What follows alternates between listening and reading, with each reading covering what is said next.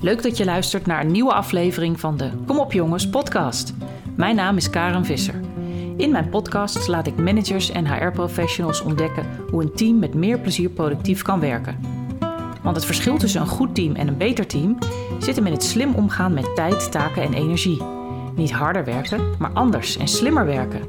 Wat ik daarmee bedoel en hoe je dat kunt aanpakken, beantwoord ik in de Kom op jongens podcast. Uh, Max, dat je vandaag in, uh, in de podcast wil zijn. De podcast van uh, Kom op jongens. om te vertellen over je nieuwe boek. En dat viel ook al gisteren op de mat. Hoppa heet het, heet het boek. Hè? Haal meer voldoening uit je werkdag als ondertitel. Dus ontzettend leuk om jou te spreken als, als collega over ja, wat er allemaal in je boek staat, waar, wat er allemaal ja, achter zit. En nog wat andere dingen die ik je voor wil leggen. Dus welkom. Ja, dankjewel voor de uitnodiging. En ja, je hebt een boek geschreven over je eigen methodiek, de Hoppa-methode. En zo heet het boek ook. En, uh, kun je vertellen, wat houdt die methode in en, en waarin verschilt die van uh, bestaande methoden of van ideeën die er, uh, die er al zijn?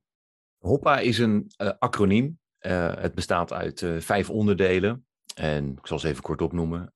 hoofd leeg, overzicht, prioriteiten, planning en aandacht.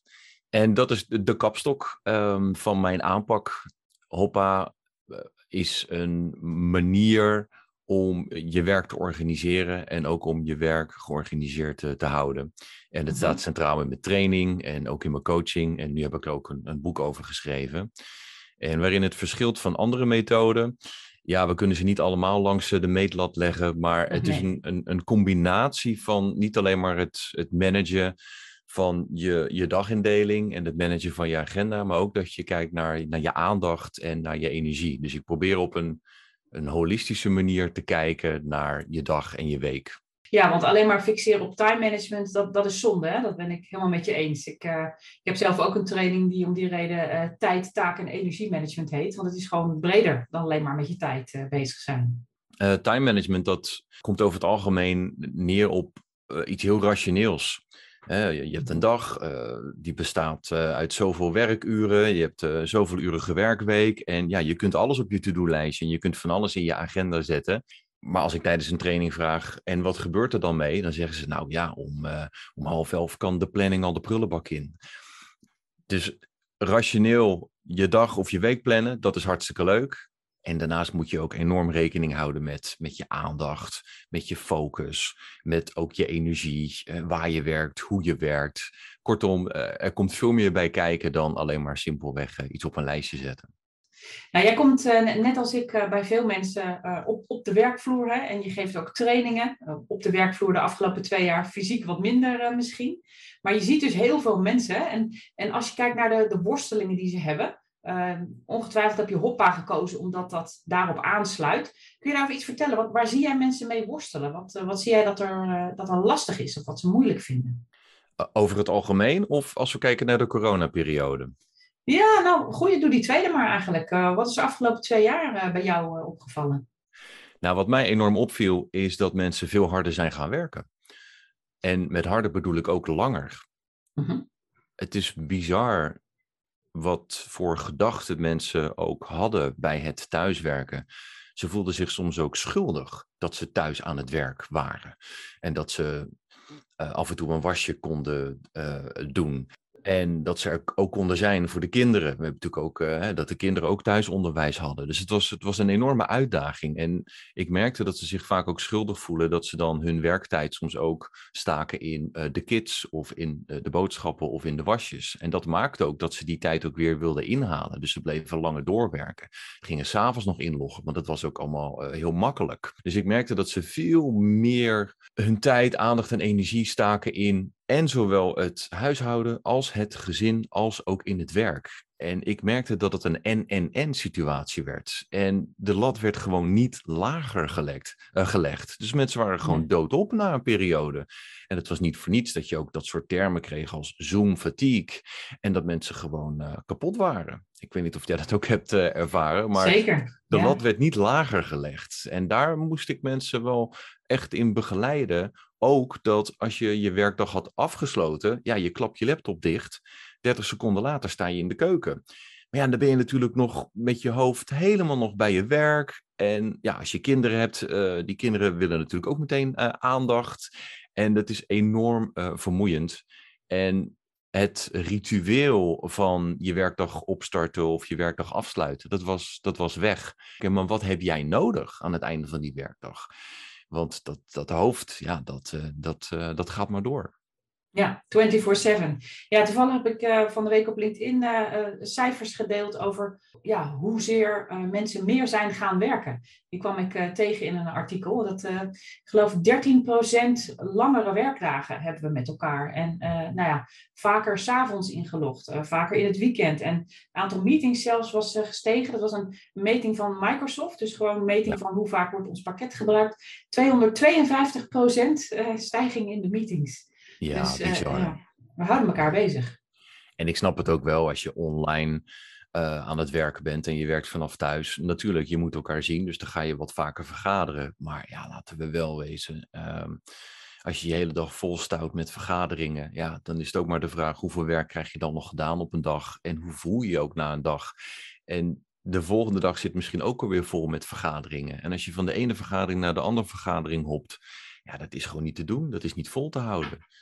Nee, herkenbaar hoor. Ja, nee, die, die vermoeidheid is, uh, is, is, duidelijk aanwezig. En, en zeker in deze tijden. En uh, wat is jouw ervaring met plannen? Hoe, hoe leer jij mensen goed plannen? Met, zeker met deze methodiek uh, dan ook? En mensen zijn helemaal niet bezig met hoeveel tijd ze eraan kwijt zijn. Um, ze hebben iets te doen. Ze moeten, weet ik veel, ze moeten een voorstel schrijven. En die deadline die is waarschijnlijk over zes weken of zo. Dus dan zetten ze het op een to-do-lijstje. En als daarnaar gevraagd wordt, dan zeggen ze ja, het staat op de planning. Het staat helemaal niet op de planning. Het staat ergens op een lijstje of op een post-it. Of nog erger, uh, ze hebben het ergens in hun hoofd rondzweven. Dus ze denken dat ze overzicht hebben, ze denken dat ze een planning hebben, maar als ik er echt kritisch op doorvraag, dan blijkt dat er helemaal geen planning is. En een planning is volgens mij dat je ja, een, je agenda gebruikt. En zeker als het een, een grote taak is, dat je het in stukjes hakt. Van nou, ik ga maandag dit doen, woensdag doe ik dat. Volgende week heb ik een overleg. En uh, over, over vijf weken is dat concept af. En dan uh, zorg ik ervoor dat mensen ernaar hebben gekeken. En dan heb ik over zes weken die deadline gehaald. Dus laat mij jouw planning maar zien. En het interessante is, is dat als ik mensen eh, één op één coach, dan vraag ik ook altijd om een screenshot van hun agenda. Dan kan ik even een, een soort agenda-analyse doen, want nou, daar haal ik zoveel informatie uit. En soms zeggen mensen, oh Max, ik heb het zo druk, ik heb het zo druk. En dan zeg ik, oké, laat me je agenda maar zien. En die is dan leeg. En dan, dan ben ik altijd helemaal flabbergasted. Zo van, ja, maar eh, waarom gebruik je je agenda dan niet? Ja, ja, ja, maar ze zijn druk in hun hoofd en eh, dingen staan op lijstjes en op post-its. En als je dan vraagt, ehm, hoe staat het met je planning? Dan weten ze het eigenlijk niet. Nee, nauwelijks hè. Ja, herkenbaar hoor. Je werk een plek in de tijd geven, eh, noem ik dat. Dat, dat doen mensen heel weinig. Een hele ambitieuze to-do-lijst, heel lang. Uh, maar niet goed nadenken, oké, wat betekent dat dan voor mijn week? En een collega die ziet die agenda dus ook die leeg. En denkt, nou, Pietje is beschikbaar voor overleg. Ik plan hem even in. En Pietje nou. krijgt het vergaderverzoek en denkt, oh shit, goed, oké dan. Maar weet eigenlijk niet hoeveel van zijn dag al op was. Nee, en sterker nog, uh, heel mooi wat jij zegt over dat, uh, zeker met collega's, die kunnen natuurlijk in elkaars agenda kijken. Maar als jij die agenda niet invult en je hebt het wel stervensdruk, als die leidinggevende ook af en toe in jouw agenda kijkt en die denkt dan, nou waar heeft uh, Pietje het dan zo druk mee? Want ik zie het niet. En ja, dan kan er ook weer iets ontstaan in de, in de werkrelatie. Dus ja, het goed gebruik maken van je agenda, dat is ook goed voor, nou, niet alleen voor jezelf, maar ook voor het, het, transparant werken naar je, naar je collega's en uh, naar je leidinggevende. Ja, dat is mijn ervaring ook hoor. Dat mensen dat uh, ja, om allerlei redenen niet of niet goed doen. En ik denk dat het kan zijn dat ze de tijd niet nemen. Hè? Dat gewoon, ik heb geen tijd om, om te plannen, want ik moet werken. Wat eigenlijk een stomme redenering is, maar goed. ja, zeker. Of, of dat ze het niet doen, omdat ze het ook misschien te confronterend vinden. Want op het moment dat je het uitschrijft in al die stukjes en je hakt het in stukjes, dan kom je er misschien achter dat je een werkdag van acht uur, dat je daar tien uur aan taken in probeert te proppen. Ja, dat is niet leuk om te zien. Nee, maar ik weet niet of jij dat ook herkent, dat, dat mensen dus ook helemaal niet stilstaan bij hoeveel uren, uh, minuten of dagen of weken ze ergens aan kwijt zijn. En in de training uh, of in de coaching, dan, dan pak ik dan ook zo'n zo'n grote taak. En dan zeg ik, nou, hoeveel, hoeveel uur ben je hier nou aan kwijt? En dan kijken ze aan van, ja, Nou, ik weet niet, ja. En, en dan zeggen ze maar wat, uh, nou, drieënhalf uur. Nou, dan rond ik het altijd graag af naar boven. Nou, oké, dus vier uur. En, en dan zoomen we daar wat dieper op in. En dan blijkt dat het helemaal niet vier uur is. Uh, soms is het veel meer. En soms ook, hè, soms wordt een taak ook overschat, omdat ze er als een berg tegenop zien. En dan hakken we het inderdaad in stukjes. En dan zeggen ze, oh, nou, het valt eigenlijk wel mee. Oh, ik hoef dat niet allemaal te doen. Um, oh, nou, eigenlijk, als ik er gewoon non-stop aan zou kunnen werken, dan moet het ook wel in 2,5 uur gepiept zijn. Dus gewoon het feit dat ze het dan op papier uitgewerkt zien, dat geeft wel meer rust. En ze krijgen er zelfs al meer zin in om aan die taak te beginnen. Ja, want soms kun je het in je hoofd zeker groter maken. Hè? Dat, uh, s'nachts wordt alles groter. Daar heb ik wel eens een blogje over geschreven. Alles in je hoofd, je? S'nachts? S'nachts wordt alles groter. Weet je? De monsters in de hoek van de kamer. En, oh ja. En ook het probleem en de uitdaging. En terwijl al die tijd en energie, als je die besteedt aan nou, ja, serieus eens nadenken over hoe kan ik het dan oplossen, dan was je al een heel eind verder. Maar als je alleen maar denkt, ja, dat lukt me niet en ik weet het niet en oh, mijn manager. En nachtrust weg en uh, geen resultaat behaald. Ja, kijk, en dat piekeren, dat. Nou, piekeren is niet per definitie uh, negatief, maar als het je niet verder brengt, dan is het gewoon balen. Uh, en dan is het ook zonde van je nachtrust. Zeker. Maar ik merk gewoon dat mensen de, niet de tijd nemen om eens stil te staan bij hun werk, om eens te reflecteren op waar ze nou mee bezig zijn. En dat is natuurlijk het leuke van ons werk, want ja. ja als wij een, een training geven of een workshop of één op één coaching, je doet niks anders dan reflecteren. En dan vallen de kwartjes vaak wat ze dan zeggen aan het einde van de dag. Ze van, oh, wat heerlijk dat we gewoon eens even de tijd hebben om over het over ons werk eh, te hebben. Maar die tijd willen ze niet nemen, want ja, in dat kwartiertje dat je kan reflecteren, kan je natuurlijk ook weer een belletje plegen. Ja, dat, dat reflecteren, de, de luxe hoor ik het zo wel eens noemen, dat, uh, dat is inderdaad heel prettig.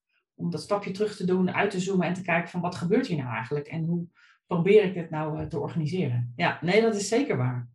Wat dat betreft uh, zien we redelijk vergelijkbare mensen, vermoed ik. Kenniswerkers, hè? mensen die met veel informatie werken, um, informatie uitwisselen, overleggen, plannen. Ja, heel veel mensen die ook ontzettend veel um, moeten organiseren met hun computer. En um, ja, wat mijn ervaring is, is dat ze dat ook vaak lastig vinden. Hè? Want dan is hun hoofd misschien leeg, maar dan zit hun mailbox nog steeds vol, bijvoorbeeld. En ja. E-mail is, is daarmee ook een stressfactor geworden en in deze digitale tijden al helemaal. Wat is jouw visie op, uh, op, op e-mail? Hoe, hoe zie jij, ja, dat kan een vloek en een zegen zijn, hè? techniek überhaupt. Zeker. Hoe, hoe kijk je daar uh, tegenaan? Uh? Ik vind e-mail zelf fantastisch, want ja, dat is de plek waar werk binnenkomt. Alleen, ja, het probleem is, is dat als je, als je het niet goed verwerkt, dan wordt het inderdaad wel een vloek. En mensen gaan allerlei manieren bedenken om daarmee om te gaan. Ze geven het een kleurtje of een vlaggetje, of ze gaan regels aanmaken, of ze gaan het naar submapjes slepen. Maar wat ik ook steeds vaker meemaak, is dat mensen meerdere functies hebben bij een bedrijf. En dan hebben ze ook meerdere mailboxen. Ik gaf vorige week een training en uh, uh, die deelnemster had ook haar laptop bij zich. En in de pauze zei ze: Max, kom nou eens even kijken, wat moet ik hier nou mee? Nou, die had iets van drie à vier mailboxen. En ja, dan is het eind ook zoek. Dus het, het lastige is, is dat als er een stapeling komt van, van inboxen, want dan moet je de hele tijd het overzicht behouden. En, en dat is lastig. En als jij die inbox ziet als één grote to-do-lijst, dat wordt lastig. Want ja, als je vier mailboxen hebt, dan heb je vier to-do-lijsten.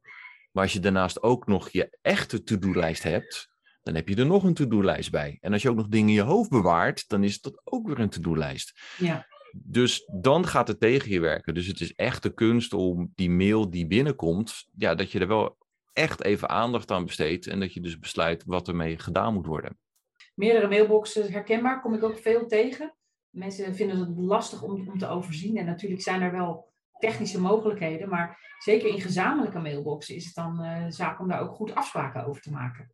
En dat uh, is lang niet altijd gedaan. Uh. Ook met een gezamenlijke mailbox kun je daar ook afspraken over maken. Je kunt bepalen, oké, jij checkt dinsdagmiddag de mailbox. Of uh, je, je, koppelt de mail aan een taak en dan zit je de initialen bij van, van de werknemer. Ik wil niet zeggen dat dit nou ook de ultieme oplossing is, maar ik wil alleen maar zeggen dat ook weer tijdens zo'n training of tijdens zo'n coaching, eh, kom je wel tot dat soort uh, simpele oplossingen waar die mensen op dat moment gewoon echt mee geholpen zijn soms zien ze zelf die oplossing niet meer. Hè? Dat, dat, dat heb ik ook gemerkt. Dan, dan moet je zelf als buitenstaander dat stapje terug doen en zeggen ja, maar wat gebeurt hier nou helemaal? Hè? Afspraken die mensen bijvoorbeeld niet hebben gemaakt. Ja, ik weet niet wanneer hij dat terugstuurt. Oh, heb je daar geen, geen, geen tijd over of termijn over afgesproken? Oh, goed idee. Soms komen er hele ehm, mooie inzichten waar jij van denkt van nou, dat had je zelf ook kunnen bedenken. Maar het is juist iemand erbij hebben wat dan uh, zo goed helpt. Ja, en mensen staan ook op de automatische piloot. Hè? Hoe je ook je, je dag begint en hoe je je dag ook indeelt. Ehm, kijk, en daarnaast is er ook altijd aandacht voor ja, hoe de mens ook geprogrammeerd is en, en, en welke routines we hebben. Maar ook hoe we denken. Ik begeleide laatst iemand Kijk, en het gaat niet altijd over werken, want soms gaat het ook over een badkamer die verbouwd moet worden. En mhm. deze deelnemers die zei ook van ja, ja, ik weet nog niet precies welke tegel. En ja, maar we willen ook nog de gang, willen we ook doen. En ik weet niet wat nou de juiste volgorde is. Moeten we nou eerst de gang aanpakken en dan de badkamer? Dus, en doordat al die knopen niet doorgehakt konden worden, um, gebeurde dus helemaal niks. En toen zei ik van, wie zou jij daar dan bij kunnen helpen? En heb je al een, uh, een aannemer? En ja, ja, we zijn bezig met offertes. En dan, dan ben ik ook met die persoon aan het zoeken van, eh, zou je ook aan die aannemer kunnen vragen wat de beste volgorde zou kunnen zijn? En dan zitten ze me aan te kijken van, ja, natuurlijk. Ja, waarom denk ik daar dan niet aan? Dus mensen willen ook het allemaal zelf doen. En ze vinden ook dat ze het zelf moeten oplossen en het zelf moeten weten. Maar omdat ze het gewoon nog niet weten, stellen ze het ook uit. Maar dan denk ik, ja, als jij geen verstand hebt van verbouwingen, gaat het dan, hè, zet die pet dan ook niet op, maar zoek gewoon de specialist die daar dan wel verstand van hebt. Dus bel die aannemer en vraag gewoon, wat is jouw beste idee eh, over die verbouwing? En ja, als je meerdere offertes uh, uitzet, nou, eh, de aannemer die, die met het beste advies komt, nou, dat, die komt dan natuurlijk uh, als winnaar uh, uit de bus. uit de bus ja. Zeker, ja. Bijlslijpen is dat toch ook, hè? Dus eerst nadenken, eerst kijken, dan pas gaan rennen. Dus niet, niet alleen maar gewoon doen, maar ook kijken hoe je het op de slimste manier kan doen. Ja, dat kan best confronterend zijn. En, en ja, over confronterend wilde ik je ook nog wat vragen. Want ehm, ja, net als ik kom je in je werk vaak in gevoelige, kwetsbare zones van mensen. Hè? uitstelgedrag, perfectionisme, faalangst. Dat kan best wel spannend zijn om, om zo dichtbij iemand te komen. En het, kost ook even tijd meestal om mensen ervan ja, te verzekeren, we zijn er om je te helpen. En we hebben het altijd erger gezien, althans dat zeg ik altijd. Omdat uh, als denk ik, eetje, zo'n volle mailbox heb je nog nooit gezien. Tuurlijk heb ik altijd erger gezien. Maar uh, wat zijn jouw ervaringen daarin? Wat, wat vind je belangrijk ook in, in de manier waarop je met die confronterende aspecten omgaat? Nou, ik vind het wel lastig hoor. En ik merk wel dat als ik een training op locatie uh, verzorg, dan zullen mensen niet heel openhartig zijn over hun perfectionisme of faalangst. Dan gaat het toch meer om het plannen en het, en het lijstje en uh, hoe je de mail verwerkt. Maar ik merk dat voornamelijk in de één op één trajecten die ik doe. En dan kom je er gewoon achter dat mensen inderdaad faalangstig zijn of dat ze oververantwoordelijk zijn. En ja, dat zit er zo ingebakken bij die mensen dat ze, dat, niet alleen, dat ze er niet alleen in het werk last van hebben, maar ook privé. Dus het is enorm verwoven met elkaar.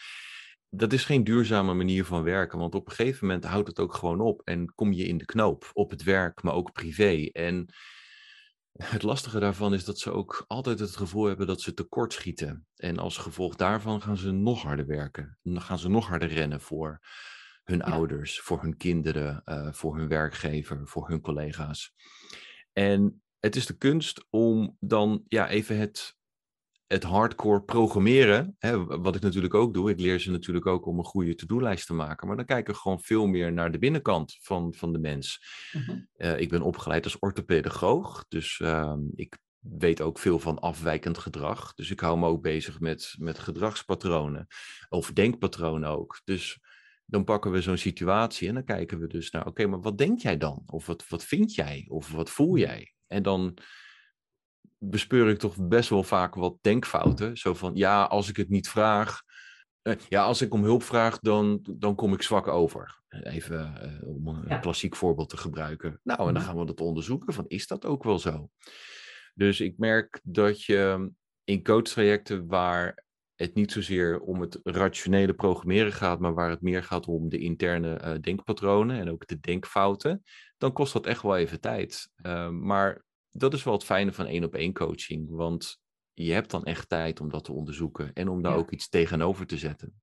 Ja, maar het blijft een lastige categorie. Zeker als je mensen begeleidt die zich oververantwoordelijk voelen. Dat, uh, dat vind ik echt uh, de grootste uitdaging. Ja, dat is het zeker.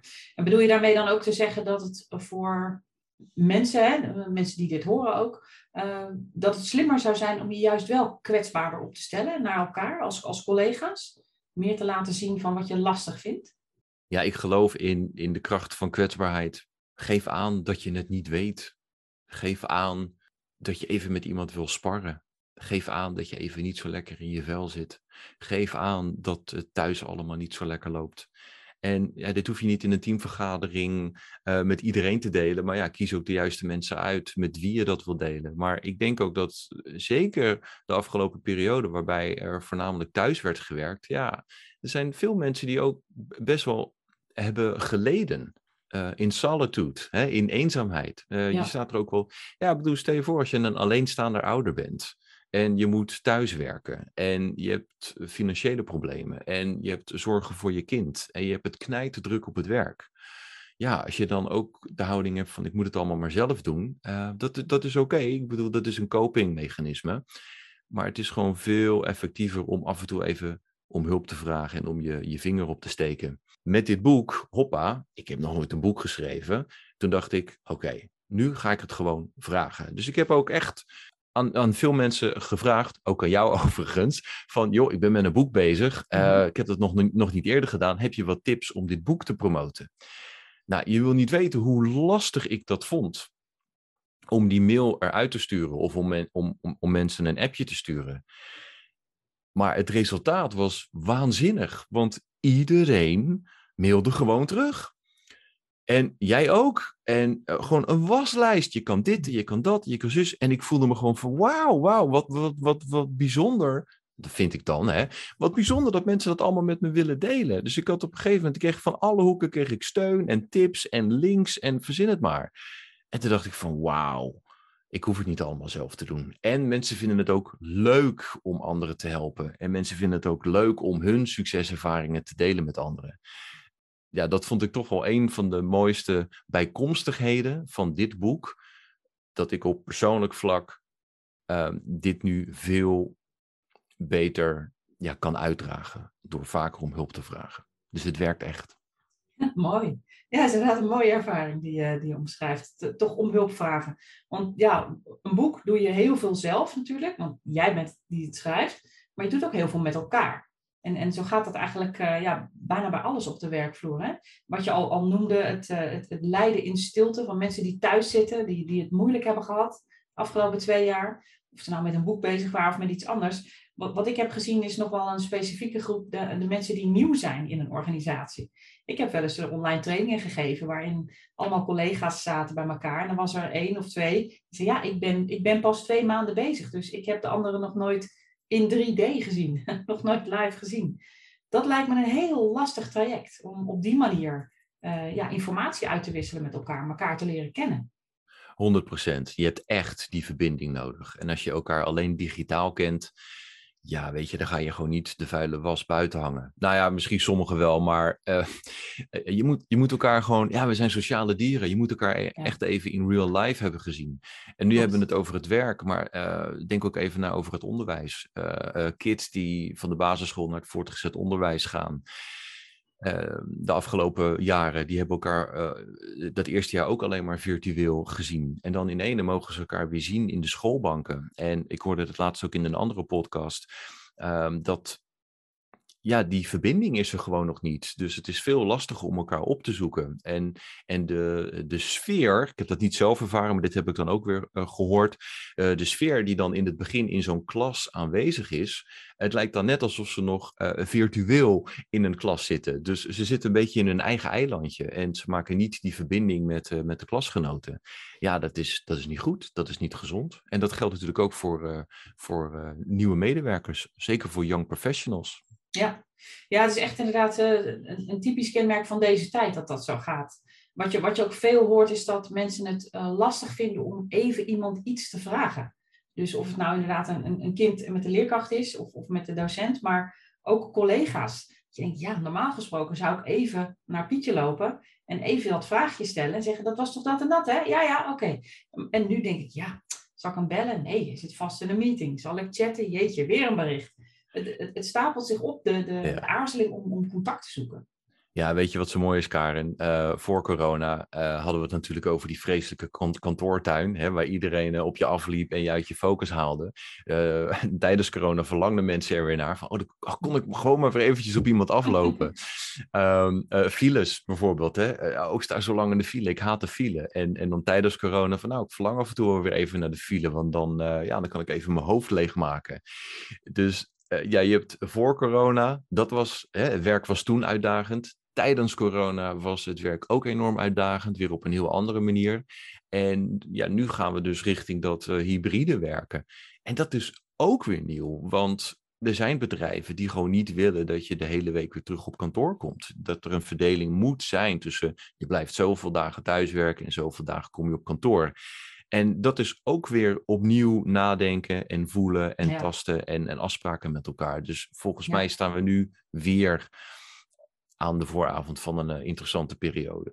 Het is zeker heel interessant, ja. Wat, wat mij wel opvalt is dat er ook organisaties uh, zijn die uh, er juist voor kozen om helemaal weer terug naar kantoor te gaan.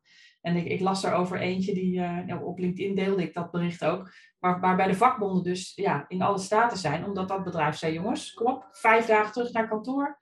Hè? We doen alsof het 2019 is, zeg maar. En dat vind ik juist zonde, want het is, het is juist de best, best of both worlds wat je moet combineren. Dus wat, wat halen we uit het thuiswerken en wat vinden we belangrijk op kantoor en hoe zorgen we dat dat gewoon goed met elkaar mengt. Ik denk dat dat, ja, dat uh, het beste is.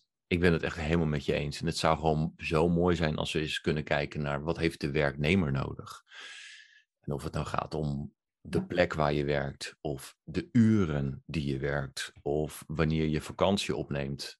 Ik heb ook een aantal boeken in de kast over Amerikaanse bedrijven. En ja, die kijken gewoon heel anders naar werk. Wil je een half jaar met vakantie? Nou, ga je gang, succes. Als jij maar gelukkig bent. En zorg in ieder geval wel voor dat je dan dat ene project dan wel hebt afgerond. Nou, en als ik daar dan over lees, dan denk ik van wauw. En waarom zitten wij nog steeds in die 40-urige werkweek, uh, wat uh, 100 jaar geleden een keer is bedacht, omdat we toen in de fabriek aan de lopende band werkten? Kom op, het is 2022. Ja, zeker. Plus in, in die tijden, in de tijd van de fabriek, had je ook uh, een keurige verdeling met iemand die buitenshuis werkte en iemand die binnenshuis werkte.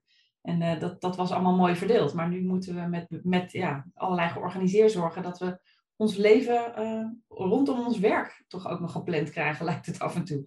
Dus waar komt je eten vandaan? Hè? Bezorgdiensten aan de deur daarmee. Blijft, blijft een beetje zoeken. Ja, en dat komt ook omdat we in meervoud leven. Vroeger was het ook wat ja, eenvoudiger hè? Op het werk en, en hoe het huishouden werd, werd gerund. En nu is dat allemaal wat, uh, wat complexer. En ja, je ziet het natuurlijk ook, je kan overal van alles bestellen. En de, de hele dag rijden de busjes door de wijk en ook bij jou aan de deur. En ja, ik merk het ook met uh, mijn kids. Ik heb drie dochters. Nou, die hebben ook allemaal hun eigen communicatiesysteem met school. Uh, mijn oudste dochter zit op het voortgezet onderwijs. Ik denk dat ik wel drie mailtjes per week krijg van, uh, van die onderwijsinstelling. En eh, ik, vind dat, ik vind dat best wel veel. ik er werd vroeger helemaal niet gecommuniceerd uh, met, uh, met mijn moeder toen ik op het voortgezet onderwijs zat. dus van, nou ja, je zit op die school, zoek het maar uit. En als er wat is, dan hoor ik het wel. Dus we zijn, en, en misschien herken je dat ook wel. Het lijkt er wel op, omdat we ook al die middelen hebben, dat we aan het overcommuniceren zijn. Ellenlange nieuwsbrieven, elke keer weer al die updates. En dan denk ik, kan het alsjeblieft wat minder en wat korter? Ja, keuzes maken, dat staat centraal. Hè? Bij het, het, consumeren, waar we het al over hadden. Hè? Dus steeds maar dingen bestellen. Alles kan naar je huis worden gebracht. Dus uh, de drempel is heel laag. Maar ook het communiceren, ja, dat herken ik zeker. Mensen moeten echt kiezen van waar besteed ik mijn, uh, mijn tijd en mijn aandacht aan. Je kunt niet alles lezen. Ik heb uh, dat boek geschreven, dat, dat, dat, ken je geloof ik, hè? Info Detox, over verzuipen in informatie. Ja, ja. Kwam ook echt uit naar voren van ja, sowieso, Netflix kun je niet uitkijken. Internet kun je niet uitlezen of uitklikken. Er is gewoon altijd meer dan jij kunt verstouwen. Dus je zult die keuzes moeten maken. Ik heb het altijd over nieuwsbrieven. Mensen zijn geabonneerd op nieuwsbrieven. Ja, wat doe je daar dan mee? Ja, die sleep ik dan naar een mapje. Oké, en dan? Ja, ik kijk eigenlijk nooit naar, want ik heb nooit tijd om die nieuwsbrieven te lezen. Oké, maar waarom sleep je ze dan naar een mapje? Ja, ja, je weet me nooit. En dan denk ik, ja, ik heb geen mapje nieuwsbrieven. Uh, ik, ik check mijn mail en als er een nieuwsbrief bij zit die ik interessant vind, nou, dan, dan lees ik hem. En als ik denk, nou, ik heb nu geen tijd, nou joh, dan niet joh, weet je. Dat, ik ga het echt niet op mijn to-do-lijstje zetten dat ik die nieuwsbrief nog moet lezen of wat dan ook. Uh, er komt wel weer een andere nieuwsbrief. Dus het is inderdaad keuzes maken en ook durven nee te zeggen tegen bepaalde informatie. Ja, zeker. Durf, durven iets te missen ook, hè? De, de, de FOMO, de fear of missing out, is daar zeker wel een factor uh, in, denk ik. Ja. ja, zelf heb ik wel een mapje nieuwsbrieven dan, maar dan met een regel. dus, uh, oh ja. Ze gaan, ze gaan daarheen en uh, een paar nieuwsbrieven vallen niet onder de regel, die laat ik gewoon in de inbox komen. Maar in mijn mapje nieuwsbrieven en, en social media meldingen en Google alerts gaat alles in. En ja, ik moet zeggen, er, zit wel, er zitten wel eens 2000 dingen in. En dan ga ik er nog eens doorbladeren en denk, nou, Ctrl-A, delete, alles weg. Maar als ik denk, nou, ik wil nu een goede post maken of ik, ik wil ergens iets over vinden, dan, dan kijk ik de laatste berichten even door. Maar ik, ik voel me niet schuldig als ik er 2000 de prullenbak in keep. Zeker niet. Nee, maar dit is dan ook weer leuk dat, um, ja, doe gewoon vooral wat werkt. En, en dit werkt voor jou. En ik merkte, ik had natuurlijk vroeger ook zo'n uh, zo'n subfolder. Maar ja, ik, ik deed er gewoon niks mee. En toen dacht ik, ja, nou ja, eh, wat nou als ik het gewoon niet meer doe? Um, en dat vond ik veel fijner. Uh, er was ook een tijd dat ik um, allemaal interessante dingen uh, ergens uh, ook parkeerde. Want ja, dan kon ik dat misschien, precies wat je zegt, ooit een keer gebruiken voor een blog. Maar ik, ik merk dat ik ben heel erg iemand van het moment. En als ik dan moet gaan researchen of gaan zoeken naar anekdotes of wat dan ook, ja, dat werkt voor mij niet. Voor mij werkt het beste van, oké, ik ga nu een blog schrijven. Ik maak even kort een mindmap en dan bam, bam, bam, bam, bam. En dan, uh, dan kan ik het weer afvinken. Ja, dat is zeker waar. Nee, ja, van, van al die informatie kun je absoluut uh, stress krijgen. En, en daar wil ik het ook even met jou uh, over hebben. Stress is een, een veel voorkomend issue bij de doelgroep van je boek. Hè? Want je gaat het boek ook in je trainingen gebruiken, vertelde je mij al ja. laatst. het is echt de, de kapstok die je gebruikt. Nou, eh, eh, stress zit, het woord stress zit niet in hoppa, er zit geen S in. Maar uh, de, de, rust in je hoofd, van hoofd leeg, verwijst er wel naar. Um, als je nou kijkt naar, naar stress die een, een, een kenniswerker, een informatiewerker kan, uh, kan hebben. En als je daarover één boodschap zou, zou moeten meegeven. Wat, wat zou die boodschap dan zijn? Wat zou je willen zeggen tegen mensen daarover? Stress is op zich niet verkeerd. Er zitten ook positieve kanten aan stress. Uh, ik hou wel van een beetje stress. Uh, ik ga, uh, vanmiddag ga ik een, een, weekendje weg.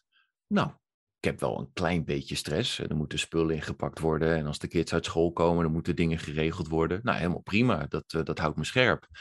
Maar als ik dat gevoel dag in dag uit zou hebben en dat maandenlang, ja, dan krijg je chronische stress. En dat is natuurlijk niet fijn. En wat ik zeg over chronische stress, ja, dat is altijd een beetje een, een stevige uitspraak. Maar ik ben er wel van overtuigd dat stress is een keuze. Net zoals druk zijn ook een keuze is. Dus als je dag in dag uit stress ervaart van, nou laten we het even bij werk houden, van je werk, ja, dan is het van belang dat je andere keuzes dient te maken. Dan is het van belang dat je het gesprek aangaat met je collega's, dat je het gesprek aangaat met je leidinggevende. En dan komen er natuurlijk ook weer allemaal ja-maars. En uh, ja, maar we hebben te weinig personeel. We hebben dit en we hebben dat. En mijn leidinggevende, leidinggevende luistert niet. En het is een hork van een vent. Nou, oké, okay, dat zal allemaal wel. Uh, misschien is het dan tijd voor een andere baan.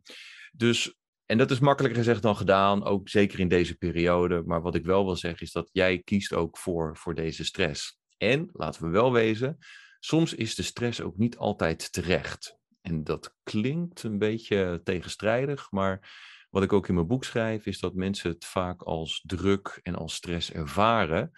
Maar als je het echt uitwerkt, dan valt het meestal wel mee. Als je het echt goed wegzet, als je er gewoon voor zorgt dat, dat, dat je hoofd leeg is en dat je een goed overzicht hebt en dat je een, een planning hebt gemaakt waarvan je denkt, nou, dat is gewoon te doen, dan zul je merken dat je minder last van stress hebt. Je kunt een volle agenda hebben en toch geen last van stress hebben. Uh, ik heb een, ja, ik heb een, een, een, een lekker druk uh, leven, om het zo maar te zeggen. Ik, heb, ik heb een gezin, ik heb drie dochters, ik heb hobby's. Ik zit in het bestuur van een vereniging, ik ben ondernemer. Dus ja, als ik al die dingen opnoem, dan zeggen mensen zo, jij hebt het druk. Ja, ja ik, ik heb het best wel druk, maar ik ervaar geen, geen stress. De agenda is gevuld, maar ik sta er best wel relaxed in. Dus duidelijk een, een keuze, hè, zeg jij. Van, het is dus ook hoe je er naar kijkt, hoe je het ervaart. Ja, het is een keuze. Als je het. Kijk, er zijn natuurlijk twee dingen. Je kan het als stress ervaren. Nou, dan is het mhm. interessant om te zien of het ook echt reden is tot stress. En aan de andere kant kan het ook natuurlijk gewoon zijn hè, dat het gewoon echt te veel is. Ik had een mhm. paar jaar geleden had ik iemand gecoacht. Die draaide dagen van 14 uur. Die zat de hele dag online in allerlei besprekingen. En tijdens dat eerste coachgesprek zei ik al zo van, ik ben geen burn-out expert, maar bij mij gaan er allemaal alarmbellen af. En toen hebben we daar ook echt meteen naar gekeken. En ik heb haar gewaarschuwd. Ik zeg, als jij zo doorgaat, als jij niet deze maatregelen neemt, dan voorzie ik het dat je binnenkort overspannen bent of in een burn-out raakt. Nou, het coachtraject hebben we niet kunnen afmaken. Want drie keer raden wat er is gebeurd. Ja. Burn-out. Ja, dat is zeker waar. Hè? Het, het, het, zeker, het heeft natuurlijk ook te maken met hoe kijk je ernaar. Uh, is het glas half vol, is het glas half leeg? Maar soms is het gewoon objectief te veel. Dat, uh, dat herken ik zeker. Ik had, vroeger ook een collega die heel erg was van de, van de mindset. Hè? Van hoe je ernaar kijkt, dat was bepalend. En dat ik ook die collega probeerde uit te leggen van... joh, uh, je kan wel zeggen mindset, mindset, maar als je in je onderbroek op de Noordpool gaat staan, ja, dan bevries je gewoon. Kun je wel zeggen, ik denk mezelf warm, maar de omstandigheden kunnen zo zijn dat, dat het gewoon objectief niet te doen is. En die 14 uur, zeker als dat uh, de hele week uh, is en structureel, kan me goed voorstellen dat die, dat die mevrouw echt uh, uit is gevallen. Ja, ja de omstandigheden zijn niet altijd binnen je invloedssfeer, soms een lastige, maar altijd wel goed om dat met, met iemand in kaart te brengen. Dat, ja, dat is iets wat, wat wij mensen ook stimuleren om te doen. Hè? Ga ik vanuit bij jou ook. Kijk naar je omgeving, wat gebeurt hier, wat, wat speelt hier allemaal? Ja, en ook die trein die dendert maar voort. En als ik dan aan die persoon vraag, hoe voel je je? Dan zeggen ze, ik ben doodmoe. En dan vraag ik, maar hoe wil je je voelen? Nou, ik zou graag, nou, dan komt er een hele waslijst wat ze zouden willen. En dan, ja, dan weer gewoon op doorvragen, nou, wat is daar dan voor nodig? En dan is het altijd, ja, ik moet wat vaker nee zeggen. Ik moet wat beter mijn grens aangeven. Ja, ik moet, als ik een dag vrij heb, moet ik ook echt leuke dingen doen. Ik moet ook opladen. dan moet ik niet alsnog aanschuiven bij die vergadering op mijn vrije dag. En ze weten het allemaal wel, maar ze doen het niet. Want ja, dan komen gewoon die denkpatronen weer. Ja, andere keuzes maken is niet even eenvoudig. Nee, zeker niet. Nee. Maar uh, jij en ik doen ons best om uh, mensen daarin te stimuleren. Om, uh, om andere keuzes te maken. En het andere, ja, je werk slimmer te organiseren. Absoluut. Nou, leuk. Max, ik wil je bedanken voor dit, dit interview. Hartstikke fijn om te horen hoe jij er tegenaan kijkt. En hoe je met je boek Hoppa dit gedachtgoed verder gaat uitdragen. We spreken elkaar ongetwijfeld nog een keer. Maar voor nu, voor deze podcast, dankjewel. Ja, jij bedankt. En uh, hartstikke leuk om met een uh, vakgenoot even wat uh, ervaringen uit te wisselen. Hartstikke leuk. We zijn aan het einde gekomen van deze aflevering van Kom op jongens. Bedankt voor het luisteren. Wil je geen aflevering missen? Abonneer je dan op deze podcast. Ik ben benieuwd wat je ervan vond. Je kunt het laten weten in een review of door een bericht achter te laten via www.komopjongens.nl. Dankjewel. Wil je meer weten over jouw eigen werkstijl? Ga dan naar mijn website www.newbroom.nl/gratis en download mijn zelftest werkstijlen. Tot de volgende aflevering.